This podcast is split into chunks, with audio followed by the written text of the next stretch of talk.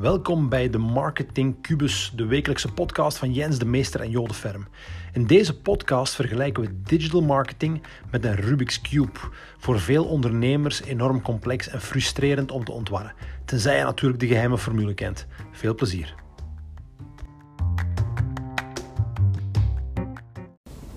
Hallo allemaal, nieuwe talk met Jens de Meester en mezelf Jode Ferm. En ehm, we vonden het deze week een goed idee om het eens te hebben over acht fouten die we gemaakt hebben in het verleden. We hebben ongetwijfeld veel meer, Veel meer fouten, gemaakt, Veel meer fouten gemaakt dan die acht fouten, maar acht grove fouten eh, waar we iets uit geleerd hebben. En we hebben zeker ook nog fouten gemaakt waarvan we het nu nog niet weten. Dus dat zal voor een volgende video zijn. Ehm, ehm, maar we gaan, we gaan die acht fouten een beetje toelichten Ja, acht stappen en ik zal misschien de spits afbijten. Jens? fout 1. Fout 1. Jode Ferm. Eh, mijn eerste fout ehm, gaat eigenlijk terug naar de tijd van content trackers. ja, Ehm, dat was het agency voor dat Ja, was het agency. We waren een, een digital agency, een 360 agency zoals ze zeggen. Dat wil zeggen dat wij alles doen wat je vraagt, hè, basically. En dat was ook tegelijkertijd dezelfde fout. Als iemand vroeg van, kunt je een iPhone app maken? Dan zeiden we, is geen probleem. Kunt je een custom webshop bouwen? Dat is geen enkel probleem. Kunt je een logo ontwerpen en een huisstijl? Geen probleem, doen we. Ehm, kunt je advertising doen, social media? Maakt niet uit. Alles. Wij zijn, Alles was... ja, eh, de grote fout was dat we eigenlijk op alles ja zeiden. ja, En ehm was in de gevolgen, ja, eigenlijk op, elke keer als je een, een nieuwe opdracht krijgt waarvan je nog niet goed weet van hoe je dat moet aanpakken, ja, dan moet je gewoon verdiepen en terug die competenties gaan opbouwen ja, eigenlijk. ja, team. exact. Ja, Ja, ja. dus die competenties opbouwen, wat superveel tijd in beslag neemt, Ja. maar die telt je niet mee in je eindafrekening. Dus met andere woorden, je moet, je moet superveel tijd steken en bijstuderen en, en uiteindelijk worden alleen maar betaald voor, eh, voor de uren die je uitvoert. En operationeel was dat complete chaos, want dan hadden we niemand die dat kon en iemand moest dat gaan doen en Ja. dan, dan meer tijd in beslag. Dus was eigenlijk complete chaos. Hè. En dat was ook de reden waarom dat we op een gegeven moment een groot deel van onze diensten hebben afgestoten. Ja. We het inzicht hadden van dit gaan we niet meer doen. En eh, zijn we met de twee grote pijlers waar we op worden verder werken, hebben we twee nieuwe agencies gestart. Web Hero en JJ's Ja. natuurlijk, Jens. Ja, en dan brengt me naadloos over bij mijn fout Ja, natuurlijk. fout nummer 1 van Jens de Meester. Fout nummer 1 is, heb ik nu eigenlijk pas nog recent ontdekt eigenlijk, ehm, is dat ik, eh, ja, ik ben de bottleneck binnen eh, eh, JJ's. Dat is Ja. nog duidelijker geworden door de corona, dat er ja, heel veel communicatie kwam en, Ja. en vooral ja, naar mij toe dan. Ehm, en de oplossing is dat ik nu al het werk heb gevisualiseerd. Ja, Dus ik heb gebruik gemaakt van eh een tool Trello, met per klant eigenlijk het werk te visualiseren. van, Oké, wat zijn we aan het doen? Ja. Wat is er ergens blokt? En enkel alleen maar al om te weten wat er blokt is, is voor mij een zegen geweest. Omdat ik Ja. weet van oké, daar kan ik het werk, moet ik het zo snel mogelijk oplossen dat het niet lang geblokt is. Zodat het werk vloeiender door het uh, kan eh, eh, doorgaan. je bent een betere werkgever geworden. Ja, ik ben nu een werkgever in plaats van een werknemer.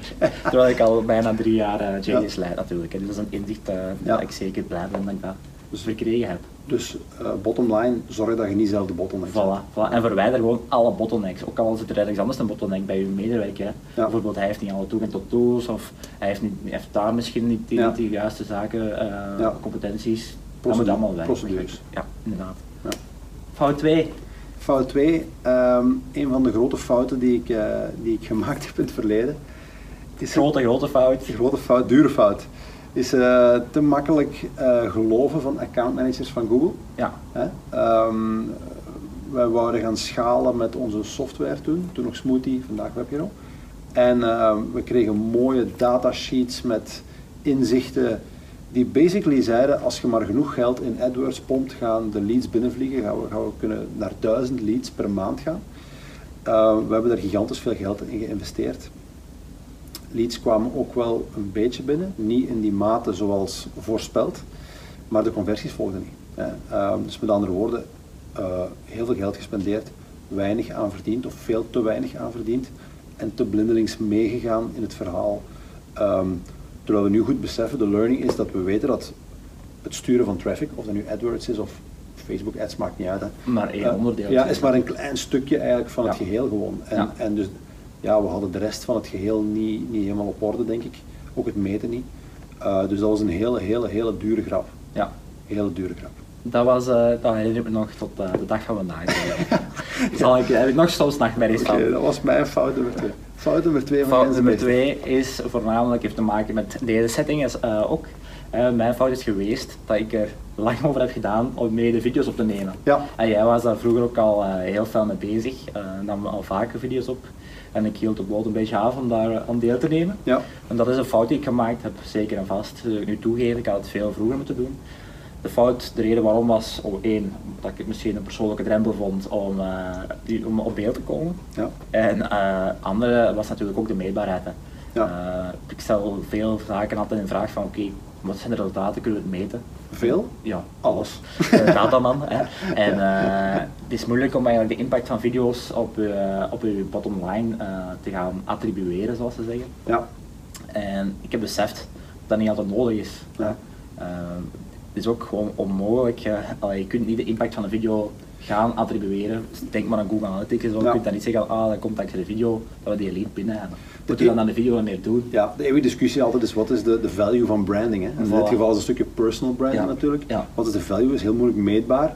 Maar zoals we al video's gemaakt hebben over de funnel, zeggen we, ja, video's zijn een bepaald contactpunt in de funnel, maar wel van hoge value. Hè? Van hoge value. Dus Dus fout. moeilijk meetbaar. Ja, moeilijk meetbaar. Fout is gewoon dat ik alleen maar dingen deed die meetbaar waren. Dus Ja. doe ook dingen die niet meetbaar zijn. Absoluut. Top. Volgende fout voor Jode Ferm. Volgende fout, fout nummer drie. Eh, ook, een, ook een fout die me veel geld gekost heeft. Oei. ja, ja.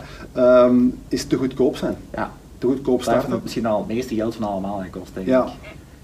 Te goedkoop starten. Ehm, je, je zet je in de markt aan een bepaalde prijs. Op het moment dat je verhoogt, zeggen mensen, oeh, oeh, dat wordt duurder. Hè. Terwijl, ehm, terwijl je dan niet meer over de, heel moeilijk is om de value nog anders aan te tonen. Hè. Ehm, dus te goedkoop zijn. Waarom? Als je bedrijf groeit, groeit je overheid logischerwijs ook Ja. mee. Maar die groeit procentueel vaak iets sneller. Hè. Eh, soms spreken ze ook, op een gegeven moment kan dat terug schaalvoordeel worden natuurlijk. Maar we zien toch dat dat een stukje, eh, ja, je gaat misschien naar een duurder kantoor. Of in één keer hebben, krijg, gaan nu mensen auto's krijgen of zo. Dus uw, ja, uw Uw overheid procentueel gezien gaat omhoog. En dat weegt heel hard op je rendabiliteit gewoon. Dus, dus in het begin te goedkoop zijn kan een probleem zijn in je groei gewoon. Ja. Dus je, dat is heel belangrijk dat je nadenkt over je pr- prijszetting eigenlijk als je start. Ja, absoluut. Dus dat eh, Als vanaf dat je dat begint te verhogen, ja, de mensen hebben een basispunt en dan, Ja. ja. als je daar vanaf begint af ja, te wijken. dat kan een uurtarief zijn, dat kan een prijs voor een product zijn, dat kan van alles te maken hebben. Maar te goedkoop inzetten heel gevaarlijk. Ja, dat zal ik zeker, eh, zeker meenemen. Hè. We zitten aan nummer drie, denk ik. Ja, van mij ook een fout eh, is te veel focus op tools.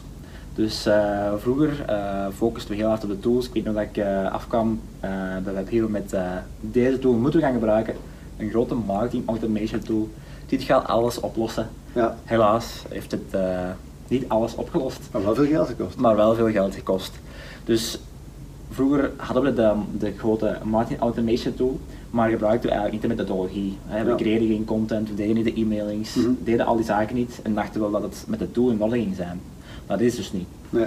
Vandaag hebben we het omgedraaid, we focussen op de methodologie, doen die video's, maken enorm veel content, Sturen veel mails. sturen veel mails, heel veel mails. En eh, dat doen we niet langer met de grote marketing automation tools, Nee. maar ja, de iets goedkopere. Niet dat Ja. dat een belangrijk feit is, maar dat geeft ons wel allee, wendbaarheid.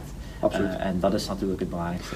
Dus niet focussen op de tools, maar op de De methodologie. tool brengt niet de oplossing. Nee. De- Wat, wat we niet willen zeggen dat die een tool niet goed is. hè. Nee, nee, nee, nee. hè. Ik denk alleen als je gaat veel investeren in een tool, dan moet je workload die je erin steekt ook nog. Ja, een teamfout eigenlijk zijn Ja. eh, van, de, van de prijs. eigenlijk. Exact, exact. De tool lost het niet op. Nee, nee, nee. Laatste fout.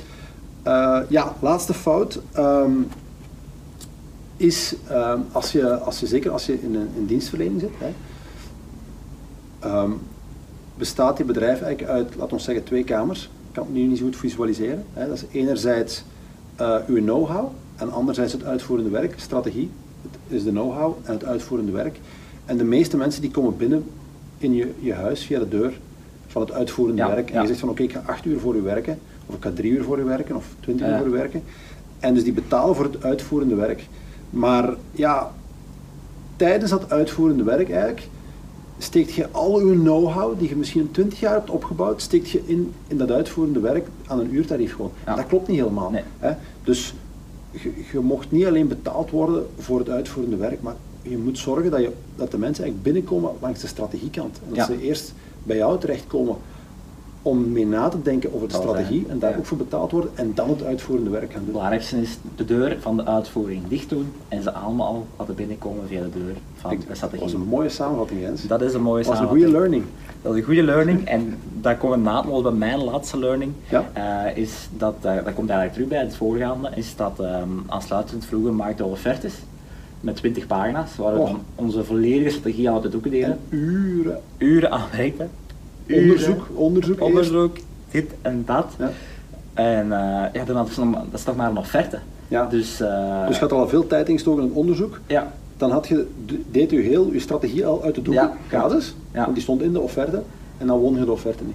En dan mogen de offerte niet. En dan als je, als je, als je zo won, ja, dan moest je de uitvoering gaan doen. Maar ja, dan, dan wou je dan ook niet meer betalen voor de strategie dat je Nee. al gedaan had. Ja, Dus vandaag de dag zijn al offertes, in plaats van 20 pagina's, letterlijk twee pagina's. Ja. En eh dat besparen we hopen geld, hopen geld eh, en hopen tijd vooral, op tijd hè. om die offertes te maken. Ja. Eh, En we winnen er meer. en we winnen ermee, gek Ja. genoeg. Want Ja. de redenering daar is, wat wij denken is ja, dat mensen niet door 20 pagina's offertes gaan liggen. Ik, ik lees dat ook niet. Ik lees dat ook niet. Allee, zeker als dat heel technisch, voor de meeste mensen is dat ook veel te technisch. Dus, dus ja, logischerwijs.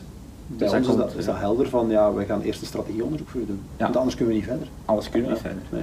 Dus eh, dat slaat eigenlijk naadloos aan met het Ja. voorgaande, maar dat, dat toont wel aan welke praktische zaken je kunt doen om mensen eerst eh, Ja. langs de deur van de strategie laten passeren, in plaats van de deur van de uitvoering. Ja, oké, interessant. Dat waren misschien Enkele. niet onze acht grootste fouten, dat weet ik niet, maar toch wel acht serieuze fouten.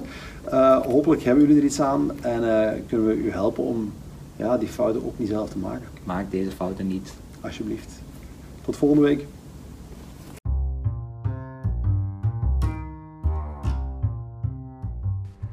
Bedankt om helemaal tot het einde van deze episode te luisteren. Je zou ons een geweldig plezier kunnen doen door je te abonneren op onze podcast. Op die manier mis je zeker ook de volgende episode niet. Tot volgende week.